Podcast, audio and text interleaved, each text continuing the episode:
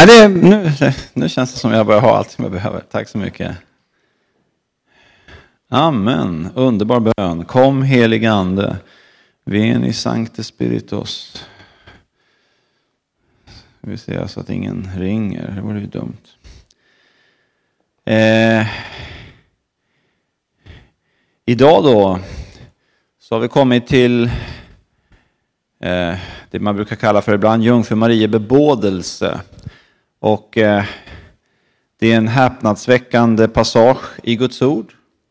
Men nu är ju Guds ord alltid sånt eftersom Guds ord är just Guds ord. Bibeln är Guds ord. Och eh,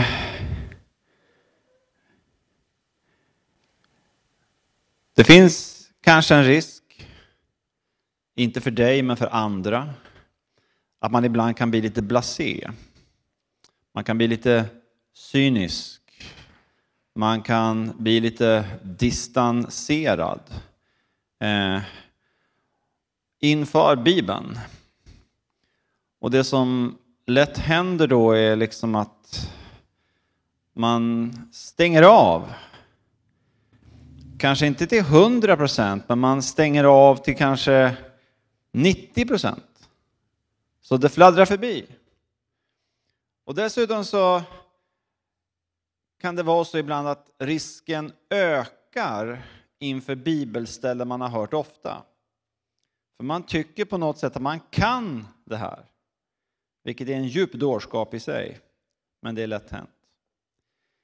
Jag glömmer aldrig när jag började läsa grundspråken eller originalspråken, hebreiska och grekiska. Eh, jag kan säga så här, i början gick det inte snabbt. Det går inte särskilt mycket snabbare nu heller.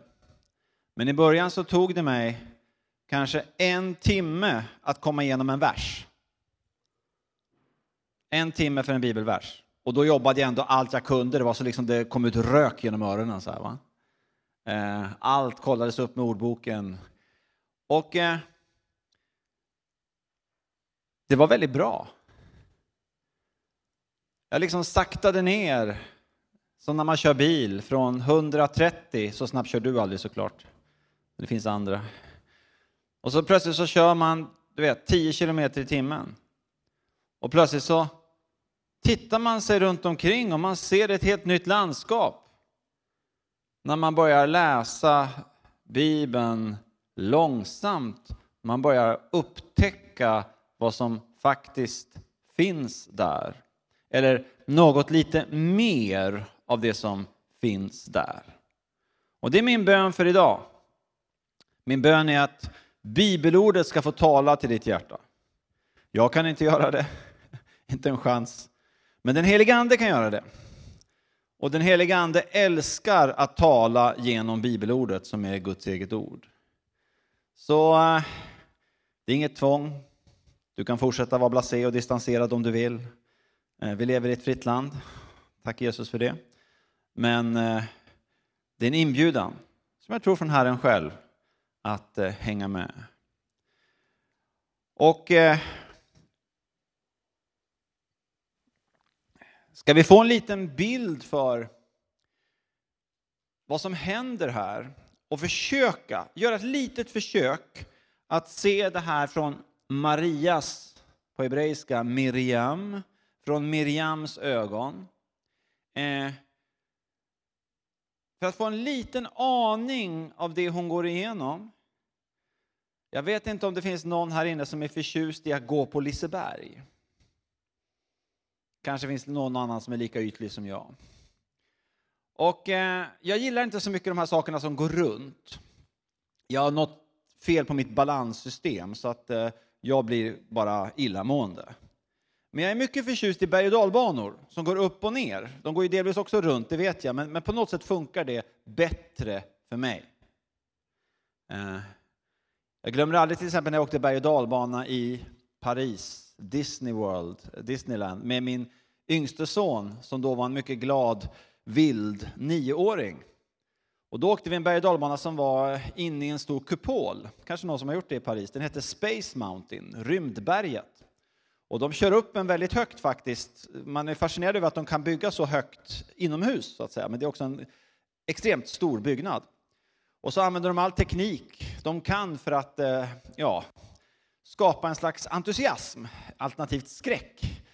Eh, så man dras upp så här och det blir en ton som pitchar högre och högre och det är massa laserstrålar som skjuter hit och dit. Så här. Och sen när man kommer längst upp så släcker de allting och sen skickar de ner den. Och så kommer det lite ljuseffekter här och där.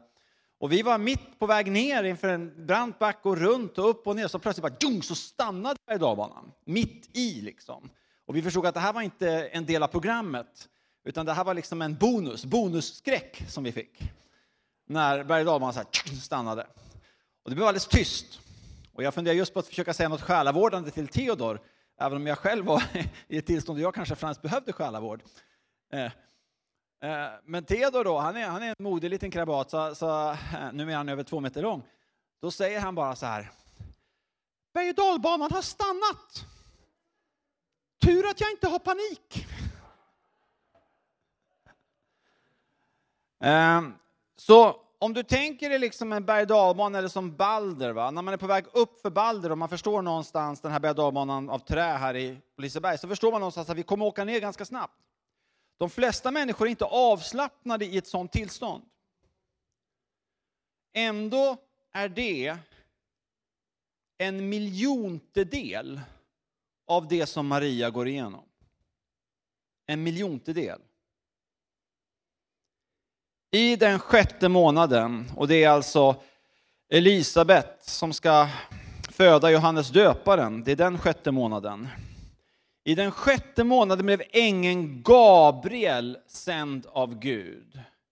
Gabriel betyder på hebreiska Gud är stark. Det är vad han ska betona, det är hans specialuppgift.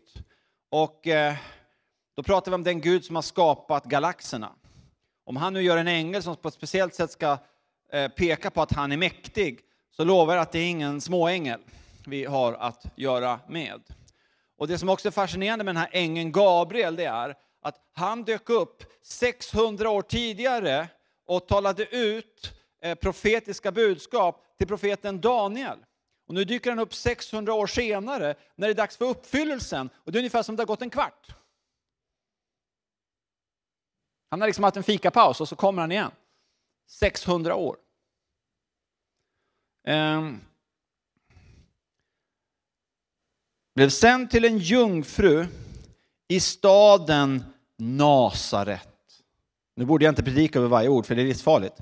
Men jag ska inte hålla på så länge, jag lovar. Men Nasaret, det är en stad eh, som man tror grundades av återinflyttade judar som hade varit i fångenskap i Babel, hade kommit tillbaka till eh, Israel typ på hundratalet före Kristus då makabéerna gjorde uppror och judarna om igen fick självständighet i Israel. Då kommer en, några hundra, som allra mest, judar upp till Galileen som delvis då eh, befolkades av, av både judar men också icke-judar. Och så grundar de en by och så ger de den bynamnet Notseret från hebreiskans netzer. Och det är ett ord som betyder telning och som Jesaja profeterar om i Jesaja 11. Eh, så man skulle kunna säga att de ger sin by namnet Messiasbyn.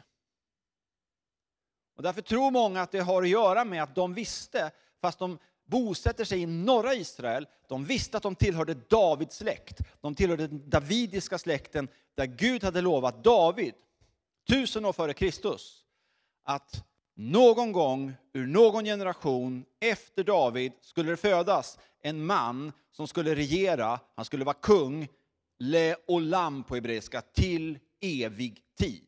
Alltså Messias. Än idag, om du kommer till Israel och du vill säga att du är kristen, så säger du aninotsrim. Och det du säger är, jag är kristen, det betyder det, jag är nazare. Och då kommer de säga, aha, okej, okay, aninotsrim, okej, okay, du är nazare. Eh, så laddat med, med messianskt eh, innehåll är det namnet än idag. Till staden Nasaret i Galileen. Hon var trolovad med en man som hette Josef och som var av Davids släkt och jungfruns namn var Miriam, eh, Maria. Eh, att man var trolovad på den tiden, det var, jag menar även idag menar väl vi att om man förlovar sig så, så har det att göra med att man ska gifta sig, hoppas jag. Men på den tiden var det ännu mer allvarligt. Det var, det var juridiskt bindande och det var mycket, mycket, mycket allvarligare att, att skilja sig. Så det här innebär att hon som tonårstjej, eh, hon eh, är trolovad, Eh, hon har alla förpliktelser som gift, bara det att hon har inte börjat leva fysiskt fullt förenad eller bo tillsammans än, men, men de har redan så att säga, ingått det juridiskt. Och det bildar en relief snart. Ingen kom in till henne och sa, gläd dig du som fått nåd, Herren är med dig. Och det ordet som ängeln använder, det första, eh, Ingen talar förmodligen hebreiska, arameiska, men vi har det på grekiska bara, det är charis. Och charis är ett ord som betyder just nåd och glädje på samma gång. Det tycker jag är härligt. Nåd har med glädje att göra, glädje har med nåd. Vår glädje som Jesu lärjungar har inte att göra med på vilket humör vi är på framförallt, eller om vi äter frukost eller inte. Utan eh, vår glädje vilar på Guds nåd. Och jag tycker om mycket vad nåd, på hebreiska, charis här på, på grekiska och så har vi ju, jag gillar latinet.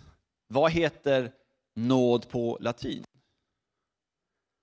Vi har många lärda här säkert. 17 poäng att hämta. Nåd på latin.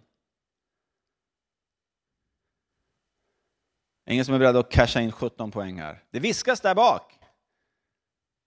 Har ni en? Precis, jag, jag anade där att där är liksom, där är rätt svar. Eh, och det, kom, det har vi ju svenskan i gratis. Vi har ju tagit över det ordet. Så gratis, det, det är samma ord som för nåd. Och det är teologiskt klockrent, för nåden är Guds gratis. Det är inte det vi förtjänar, utan det är det vi får för att Gud älskar oss, för att han är barmhärtig, för att han är god, för att han är nåd.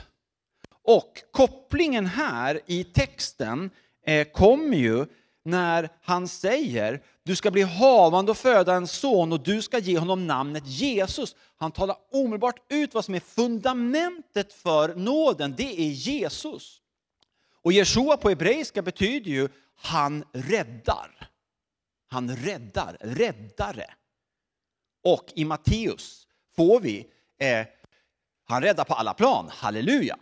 Men i Matteus, när den heliga ande leder Matteus eh, att, att understryka något särskilt angående Jesu räddning, så skriver han för han heter räddare, för han ska rädda oss från våra synder. Så det här är goda nyheter för dig som har kommit hit idag och syndat. Att du har syndat bedrövar Guds hjärta mer än vad du kanske tror. Men om du kommer hit idag och du vet med dig att du har syndat. Det kan ju vara så att du kommer hit och du har haft ett toppliv bakom dig. Du har inte syndat, då kan jag bara gratulera dig. Det är underbart. Eh, men om du kommer hit som har syndat.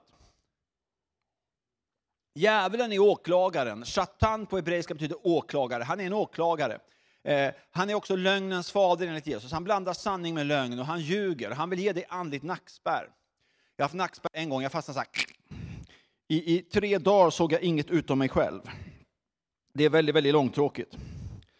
Uh, och han, han försöker få dig att titta på dig själv och så påminner han dig om lite synder.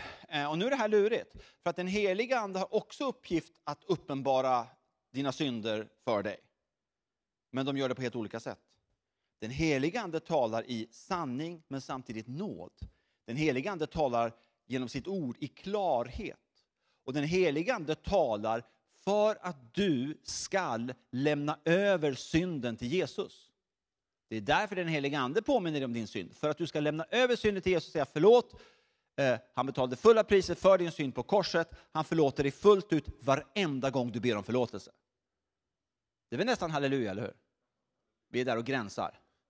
Eller hur? Men åklagaren, han är en fuling. För han blandar sanning med lögn. Framförallt så kan lögnen komma i att han vill att du ska tolka vissa sanningar fel. Så han kan påminna dig helt korrekt om dina synder. Du vet, det är bara att dra, ta till exempel ta, ta de tio buden, dra dem till lagens maximum. Som Jesus gör i bergspredikan. Eller hur? Alltså, eh, du ska inte dräpa. Nej, du ska inte ha något hat mot din broder eller syster Eh, i ditt hjärta. Du ska inte tala någonting illa som inte du menar bygga, att du ska bygga upp på något sätt. Du, du, du kan säga hårda, tuffa saker, men då ska du göra det. Syftet ska vara att älska den personen, att välsigna den personen.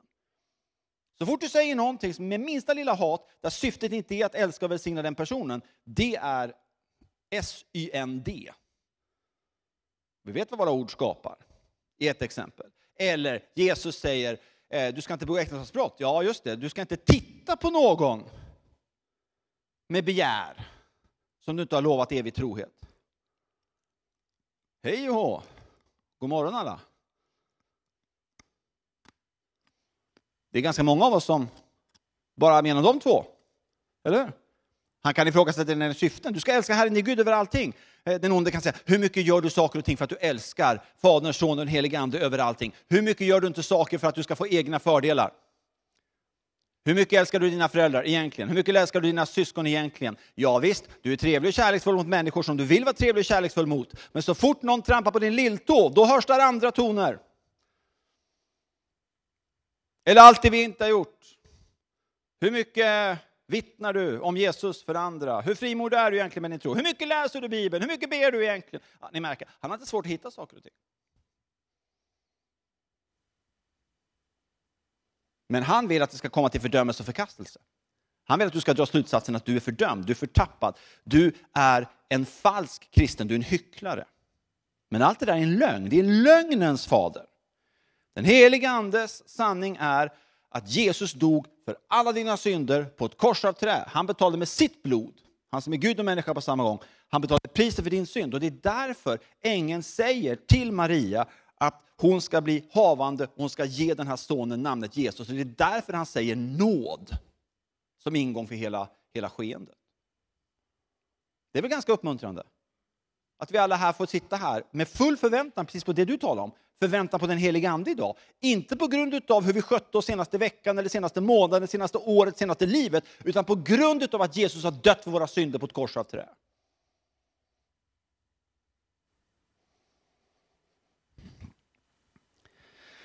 Du har funnit nåd hos Gud.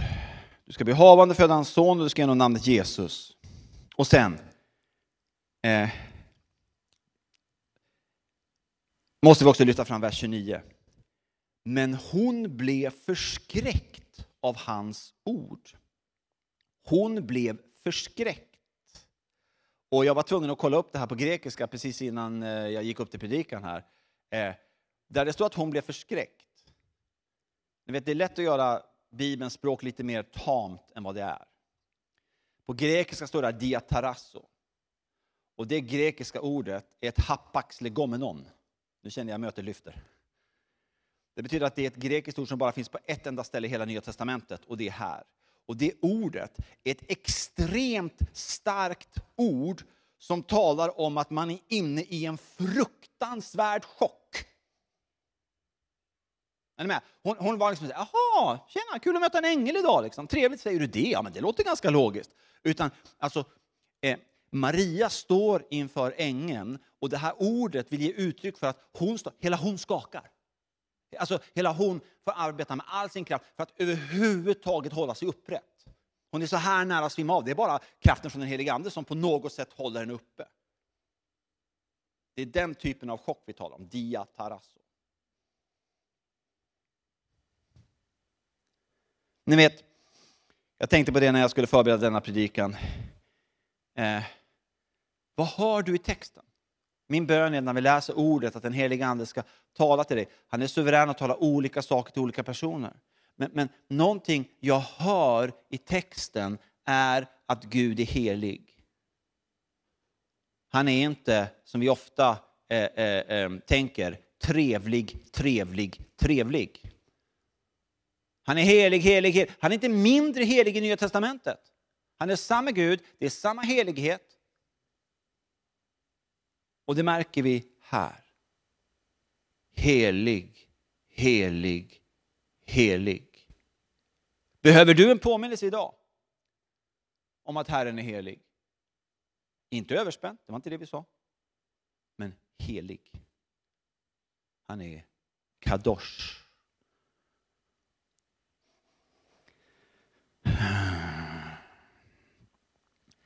Han ska bli stor och kallas den högste son och Herren Gud ska genom hans fader Davids tron. Han ska vara kung över Jakobs hus för evigt och hans rike ska aldrig ta slut. Alltså, det ängeln säger till Miriam, denna tonårstjej som står där i lilla byn Nasaret. Det han säger är, du kommer att bli mor till han som ert folk har väntat på genom alla tider i alla generationer. Det är vad han säger. Och hon förstår att det är det han säger. Hon förstår. Hon förstår det ofattbara. För hennes respons blir ju då sa Maria till ängeln, hur ska detta ske? Jag har ju inte haft någon man. Så ni märker att hon förstår. Hur ska det här gå till? Och ni vet, vi åker berg och dalbana här. Om liksom det här inte var extremt nog, det blir bara mer extremt för varje vers som går. För han höjer intensiteten om möjligt ännu mer då han fortsätter och säger Ängeln svarade henne Den helige ande ska komma över dig och den högstes kraft skall vila över dig. Därför ska barnet som föds kallas heligt och Guds son. Här används ett grekiskt ord som lika gärna hade kunnat användas som templet eller tabernaklet. Att ordet betyder bokstavligt översatt överskugga. Den helige Ande själv med sin mäktiga närvaro ska komma över dig och tända det liv i dig som är Messias själv. Utan någon mans hjälp. Något helt unikt i världshistorien.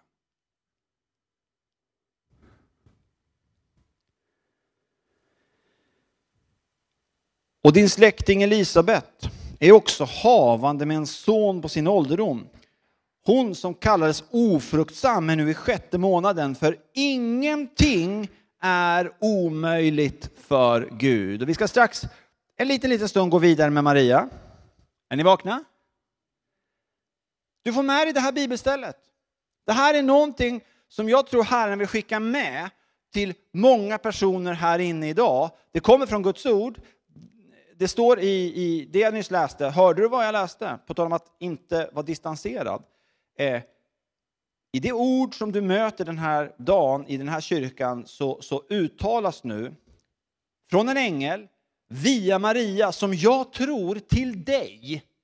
Jag tror universums konung visste att just du skulle sitta här just den här eftermiddagen. Och då skulle just du få höra detta. Ingenting är omöjligt för Gud. Ingenting är omöjligt för Gud.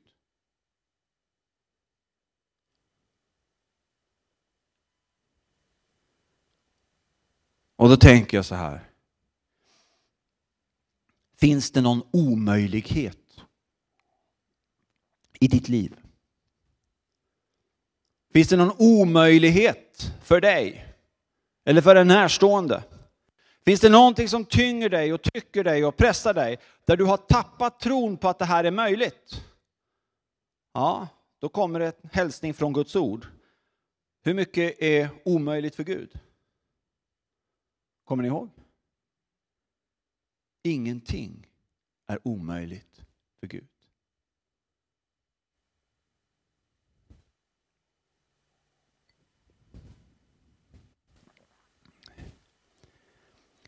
Maria sa, jag är Herrens tjänarinna. Låt det ske med mig som du har sagt. Och, kära vänner, när Maria säger jag är Herrens tjänarinna. Vi vet ju inte varför Gud valde just henne, men det var av nåd. Det har ju redan Engel varit väldigt övertydlig med. Men kanske får vi en ledtråd, vi får i alla fall en inspiration. Eh, Maria kan eh, idag få bli en enorm förebild för oss. Dels det hon gör, att hon väljer att gå i tro. Jag menar, hon visste inte hur Gud skulle fixa det här med Josef. Hon skulle bli med barn utan Josefs hjälp. Hon kunde, ni vet, det är ganska svårt att gå till honom och säga att ah, det var så en ängel sa att jag skulle bli havande med Messias och, och därför kommer jag föda ett barn utan någon mans hjälp. Men det, det kommer lugna sig ska du se.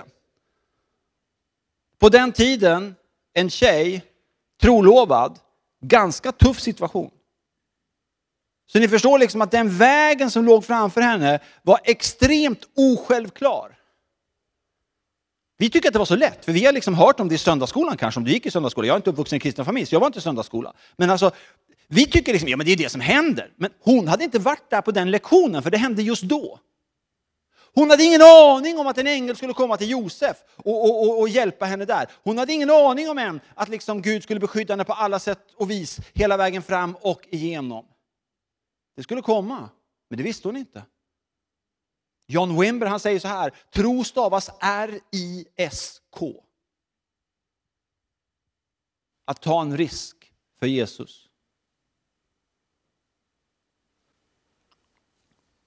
Eh.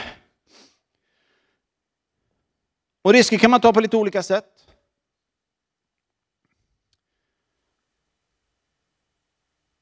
I mitt lilla förvirrade liv eh, en av de senaste riskerna jag tog var i december då jag kände att jag skulle åka upp till Sebastian Staxet som är en god vän till mig. Eh, för omvänd gangsterrappare som eh, tror på Jesus och vi umgås mycket. Så att, eh, det var inget konstigt det. Men så kände jag bara att nej, men jag ska åka upp till honom nu för att nu ska vi starta upp igen att vi ska ha en, en, en eh, väckelsekampanj på Tele2 Arena. Och jag tänkte det här är ju vansinne, det är fortfarande pandemi. Ja, men vi ska försöka ändå att köra igång så vi kan köra det i september nästa år. Eh, och eh, den heliga ande vet ni, är universums envisaste person. Han gav sig inte. Så till slut, jag menar, jag, vi träffas ändå ofta, men liksom jag kände att jag skulle åka upp just i det syftet. Och så kom Carl Gustaf Severin också. Och så kom vi in till, till, till eh, kom aldrig, gick hem till Sebbe, gick in till honom och exakt någon timme innan vi hade kommit in till honom så hade den helige ande kommit över honom. Och så fick vi bara ett par timmar då vi bad och bara kände att det är som att Gud trycker på körknappen igen och ni vet, Tele2 Arena, det är så jobbigt stort. Det går liksom inte att ordna med lite positivt tänkande. Det är svårt att fylla 40 000 platser med positivt tänkande. Det är faktiskt jättesvårt. Det, det är jätte, jättesvårt alltså. Och man anar all kamp som kommer komma. Men hur ska det här gå till? Vi är galningar, man kan inte, ha, jag kan inte möta för 40 000 precis efter pandemin. Det, det är fullkomligt idiotiskt. Men, men så börjar man gå. Och det här, jag vet att det här är på pygmé, pygménivå jämfört med det Maria genom, men det är samma principer. Så börjar man gå på darrande ben. En usel syndare som behöver Jesus förlåtelse varje dag. Så sitter jag i riksdagen hos en riksdagsledamot för ett par veckor sedan Eh, som hade bjudit in mig av andra anledningar. Och så var vi där och så bad vi uppe i riksdagshuset. Och så plötsligt så eh, frågade den här personen vad håller du på med? Vi hade pratat om allt det han höll på med och bett och så vidare. Och då sa jag så här, ja, så att jag Bland annat vi, lite det här med Tele2 Arena och vi ska ha ett möte i september tror jag, väckelsemöte med 40 000 personer kanske, eller vad det nu blir. Vi får se, men det, det är i alla fall vad vi tror. Ja, ja sa han, jag öppnar upp riksdagen, sa han. Vi tar en lunchträff i riksdagen. Jag bjuder på lunchmacka, försöker vi få in så många riksdagsledamöter som möjligt. Och så kan Sebbe och du och Carl Gustaf komma in och vittna om, om eh, att ni ska ha mötet och tron och allting. Det blir jättebra, det kör vi. Liksom. Det visste jag inte om innan. Jag vet inte ens om nu om det kommer hända, men vi har ett datum för det i maj i alla fall. Alltså, vad var det Petrus sa till Jesus? Kan jag komma ut till dig? Om det är du, får jag komma ut till dig på vattnet? Och Jesus sa kom. Och vi raljerar ofta över Petrus som sjönk. Typiskt Petrus att sjunka som en sten. Typiskt Petrus att lova runt och hålla tunt. Typiskt Petrus att säga att han ska liksom gå ut där, gå på vattnet, titta på Jesus och så går han en liten stund och sen patetiska, svage Petrus så tappar han fokus på Jesus. Han tittar ner, det står att han ser vinden och vågorna och han sjunker som en sten. Men det vi inte tänker på det är, vad gjorde de andra elva apostlarna? De gjorde det vi är mästare på, de satt kvar i båten. Sjönk han inte snart? Ja, det sjönk han. Nej, så sa de säkert inte. Skojar bara, men ni fattar. Eller? Så frågan är, var är ditt trosteg? Var är ditt ingenting är omöjligt för Herren? Vad är det för vision Gud lägger ner i ditt liv? Vad, vad är din kallelse? Vad är det den heliga ande tänder i ditt innersta? Det är samma Gud, det är samma principer. Och den enda frågan är inte om du är kvalificerad, för det är du genom Jesu blod. Den enda frågan är om du är villig. Och här kommer det andra ordet. Vad är det Maria säger? Jo, hon säger så här. Maria sa, jag är Herrens tjänarinna. Och vet ni vad? Jag, jag gillar folkbibeln, så det är inget fel. Det är bra att de försöker översätta. Men jag tycker nog att de har sockrat ordet lite grann. Alltså tjänarinna. Det låter lite så här, det är, jag tror inte du använder det ordet. Inte så ofta. Jag tror inte så ofta liksom, du säger så här, du vaknar upp en morgon och säger, jag är Herrens tjänarinna, jag är Herrens tjänare. Nej, vi säger andra ord. Men vet ni vad hon sa egentligen? Hon sa det som oftast står när vi översätter som tjänare, men det står inte tjänare. Det är liksom lite pudrat, lite uppsnyggat. Vad är det det står egentligen? Ha? Slav. Doulos. Hon säger det i femininum. Hon säger, jag är Herrens slav. Och det står gång på gång i Bibeln i Nya Testamentet, vi är Herrens slavar. Vi är framförallt hans barn, vi är Kristi brud allihopa, han älskar oss, det är framförallt intimitet och att han älskar oss och betjänar oss och välsignar oss. Men det står faktiskt också gång på gång i Nya Testamentet att har du sagt ja till Jesus, då är du hans slav. Vet, så här, när vi funderar på, åh, ska jag ge lite i kollekt? Ska jag, ja, mm, kanske lite. Åh, nu måste Jesus vara rätt generös, för nu gav jag faktiskt lite mer i kollekt. Ja, visst, men allting tillhör honom, du är hans slav. Eller så här, åh, nu är jag jättekärleksfull här. Nu, nu, nu ger jag en halvtimme extra till en behövande person. Och du tänker liksom att Gud ska stå upp i himlen och bara, åh fantastiskt, tänk att du gav en halvtimme av din dyrbara tid. Liksom. En halvtimme mindre Netflix och surfande och en halvtimme då du hjälpte någon annan. Oj, oj, oj, Gud är så imponerad. Nej, men du är hans slav. Det innebär inte att han vill att du ska jobba 24-7. Han vill inte bränna ut. Det är inte det jag är ute efter här. Men du är hans slav. Alltså, all din tid, all din kraft, alla dina pengar, allt ditt allt tillhör honom.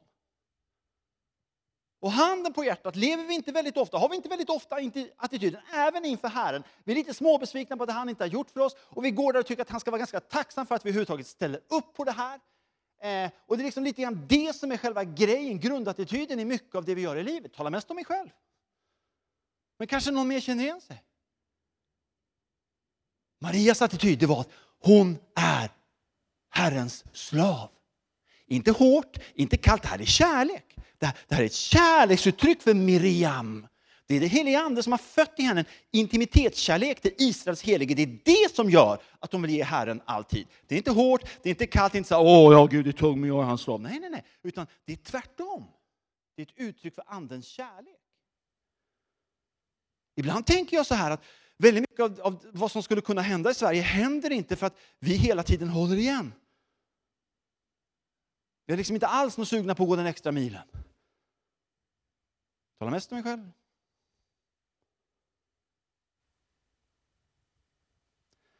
Nåväl. Är ni vakna?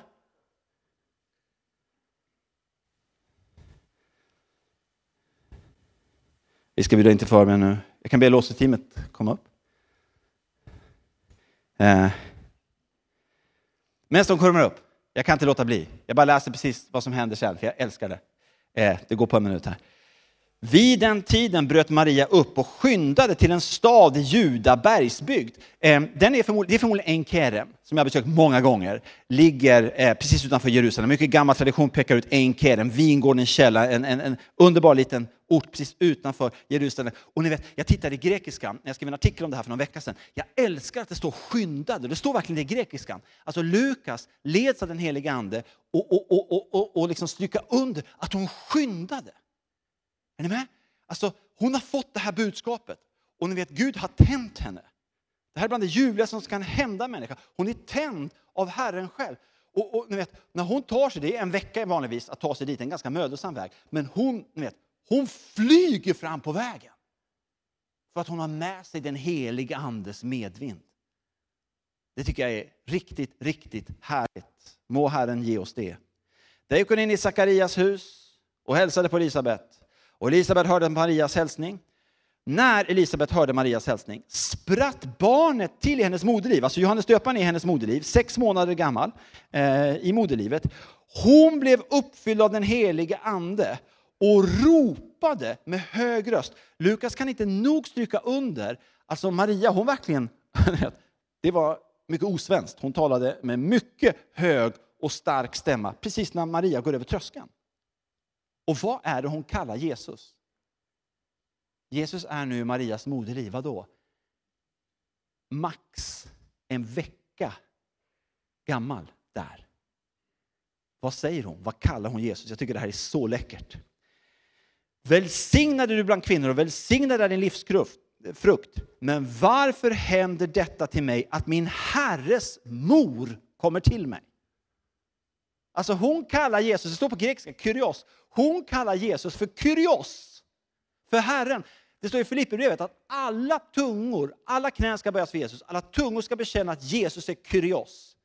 Men hon bekände i andens kraft Jesus som kurios när han var mindre än sju dagar gammal i Marias moderliv. Ingen kunde se honom.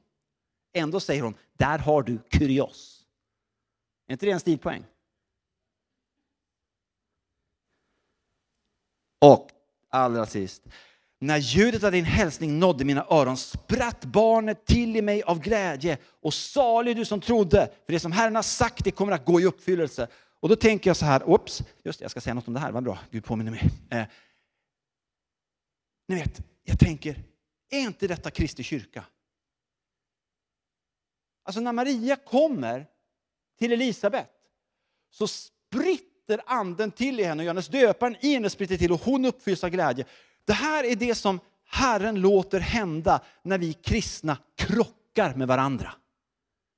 Det är därför det är så underbart och välsignat att gå till Guds hus och ha bönegrupper. När Herren låter oss möta en broder eller syster på stan eller vad det än är. Och vi kan liksom bara mötas. Det kan hända många gånger när man bara möter en Jesu lärjunge. Har du varit med om det? Så bara wow, någonting spritter till. Jag var lite trött och haft en ganska kampfylld dag. Jag har haft det ganska intensivt. Eh, så vidare. Och så, så satt jag där på första bänk och så började du och jag be broder. Och då kände man plötsligt bara wow, den heliga anden bara spritter till. Och därför tänker jag så här, kanske skulle vi unna oss det här sprittandet lite mer.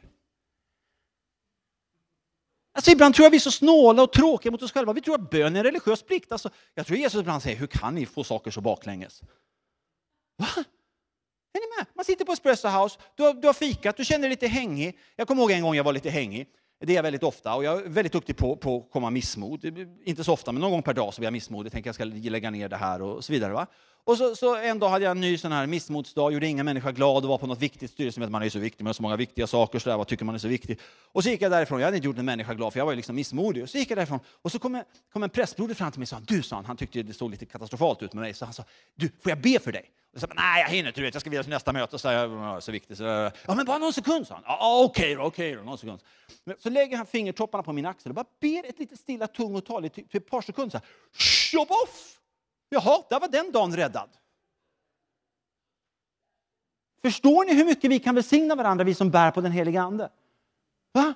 Vi kan be en snabbis för varandra på Espresso House, vi kan be en snabbis för varandra i apotekskön. Du kan ringa till någon när du är lite ledsen och motstånden och bara be, eller om du själv blir påmind om någon kan du ringa till den. Oh, tänk, tänk vad jag har fel, tänk vad den personen inte vill att jag ska ringa. Ja, men tänk vad den personen blir välsignad.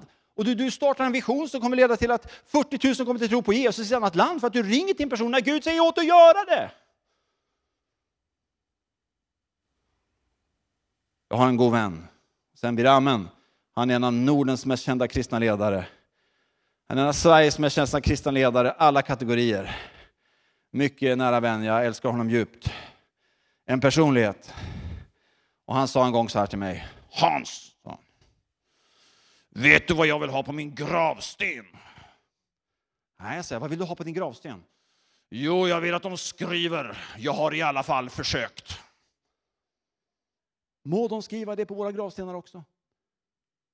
Strunt i om vi misslyckas ibland och vi behöver Jesu förlåtelse och vi syndar hit och dit. Ja, ja visst, Jesus förlåter oss. Men låt det inte stå på din gravsten att du aldrig försökte. Amen. Nu då ska vi sjunga lovsång och jag har med mig olja. Och den här oljan kommer från den plats där jag brukar fylla på olja.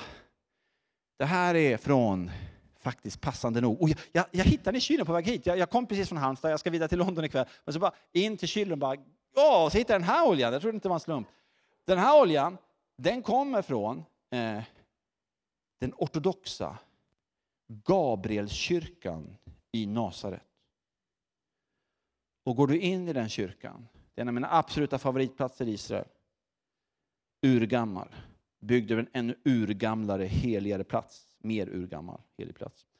För man går förbi ikonostasen som är vacker i sig, och så kommer man ner så här, en lång gång, man går ner för trappor, och så går man genom en gång. Och när du börjar gå ner för trapporna så hör du att det porlar. Och första gången jag kom dit, jag visste inte så mycket om platsen, jag kom dit bara. Det var så vackert. Och så gick jag fram och så var det var liksom en källa. Man hör vattnet, man ser vattnet en bit ner. Men framförallt var det som, det här är subjektivt, det vet jag, men den heliga Andes närvaro var så stark, brukar alltid vara där. Så jag bara föll på knä och började bara be och tillbe Herren. Bara, wow, vad är det här för plats? Och, och så började jag efterforska. Ja, men den, den kyrkan är byggd över den enda källan i Nasaret. Ni vet, Jesus måste ha gått med Maria många, många gånger då hon hämtade vatten.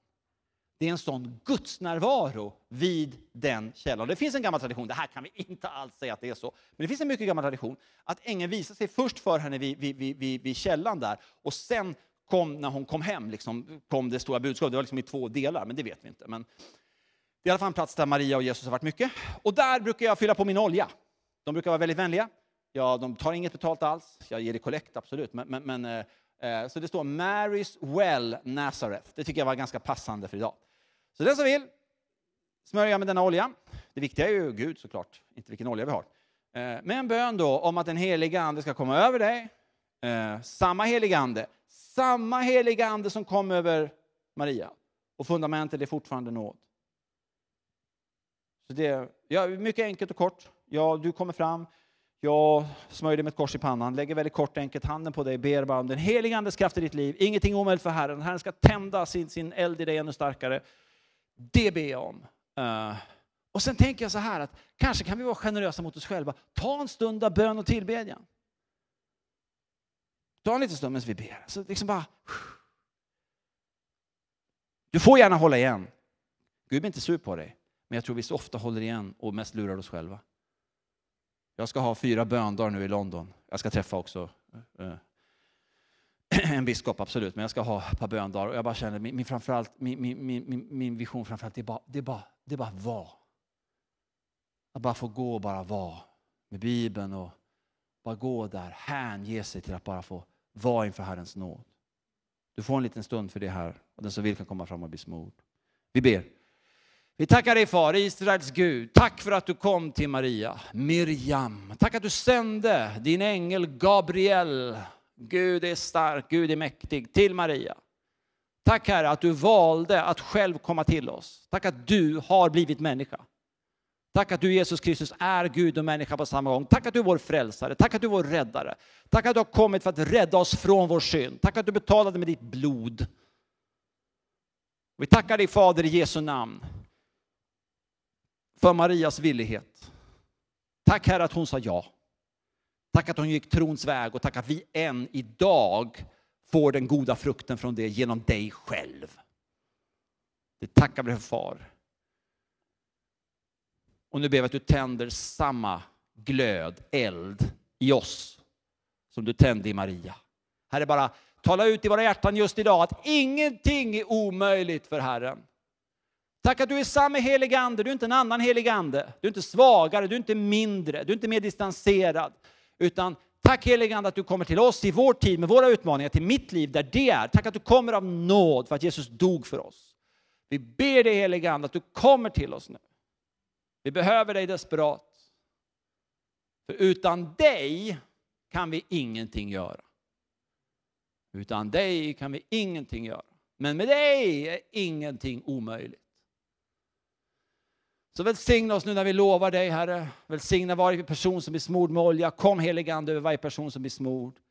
Välsigna oss Fader i Jesu namn. Amen. Vi kan göra så att vi står upp under första sången, så hjälper vi de som vill komma fram. Ni har ändå varit duktiga och suttit länge.